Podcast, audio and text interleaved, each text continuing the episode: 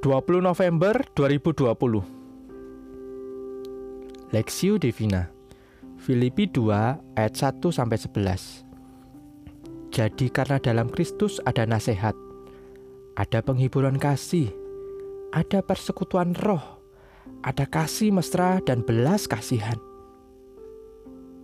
Karena itu sempurnakanlah sukacitaku dengan ini. Hendaklah kamu sehati sepikir dalam satu kasih, satu jiwa, dan satu tujuan. Dengan tidak mencari kepentingan sendiri atau puji-pujian yang sia-sia. Sebaliknya, hendaklah dengan rendah hati yang seorang menganggap yang lain lebih utama daripada dirinya sendiri. Dan janganlah tiap-tiap orang hanya memperhatikan kepentingannya sendiri, tetapi kepentingan orang lain juga. Hendaklah kamu dalam hidupmu bersama menaruh pikiran dan perasaan yang terdapat juga dalam Kristus Yesus, yang walaupun dalam rupa Allah tidak menganggap kesetaraan dengan Allah itu sebagai milik yang harus dipertahankan, melainkan telah mengosongkan dirinya sendiri dan mengambil rupa seorang hamba dan menjadi sama dengan manusia dan dalam keadaan sebagai manusia, ia telah merendahkan dirinya dan taat sampai mati, bahkan sampai mati di kayu salib. Itulah sebabnya Allah sangat meninggikan Dia dan mengaruniakan kepadanya nama di atas segala nama, supaya di dalam nama Yesus bertekuk lutut segala yang ada di langit dan yang ada di atas bumi dan yang ada di bawah bumi. Dan segala lidah mengaku, Yesus Kristus adalah Tuhan bagi kemuliaan Allah Bapa.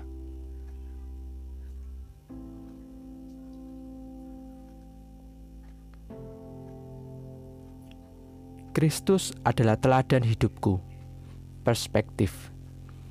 Dan dalam keadaan sebagai manusia, ia telah merendahkan dirinya dan taat sampai mati, bahkan mati di kayu salib. Filipi 2 ayat 8 Paulus menghadapkan Tuhan Yesus sebagai teladan yang termulia, terutama mengenai kerendahan hati. Dalam pasal 2, pembacaan firman hari ini, kita melihat bahwa Tuhan Yesus adalah teladan hidup yang tertinggi. Dengan teladan itu, Tuhan mendorong kita untuk memiliki kehidupan Kristen yang lebih tinggi dan lebih suci. Tuhan memanggil kita agar mengikuti teladannya. Dalam Kristus terdapat derajat Kristen yang mutlak. Di dalam Dia terdapat teladan yang termulia. Penting untuk kita mengerti bahwa harga keselamatan telah dibayar oleh Tuhan Yesus yang pada mulanya bersama-sama dengan Tuhan Allah dan merupakan satu pribadi dari Allah Tritunggal.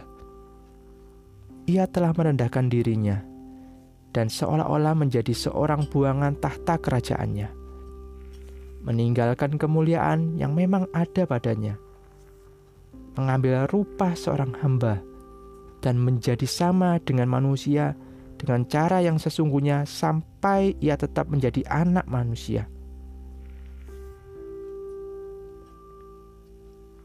betapa besar nilai keselamatan yang Tuhan Yesus berikan bagi kita.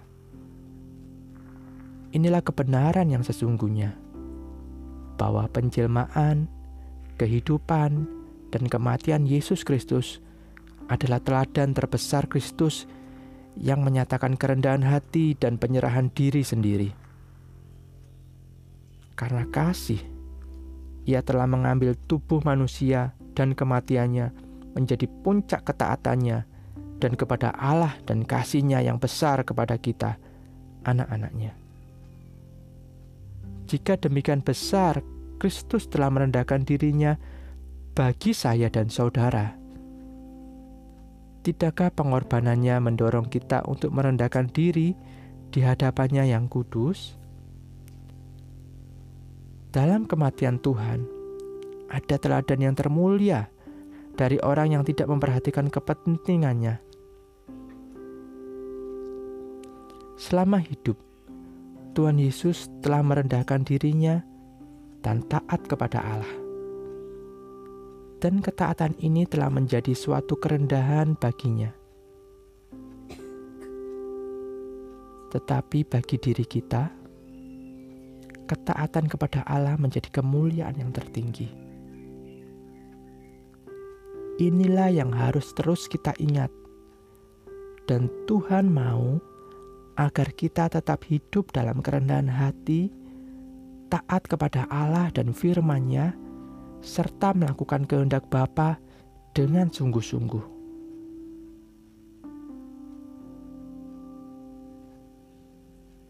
Studi pribadi Pertama, dalam hal apakah Kristus menjadi teladan termulia dan terutama? Dua, apakah yang harus kita ingat terus dan Tuhan kehendaki untuk kita lakukan? Berdoalah, Tuhan Yesus, terima kasih telah menjadi teladan kerendahan hati Tolonglah kami, ya Tuhan, supaya kami juga menjadi teladan orang yang rendah hati dan taat kepada Tuhan dan firman-Mu. Amin.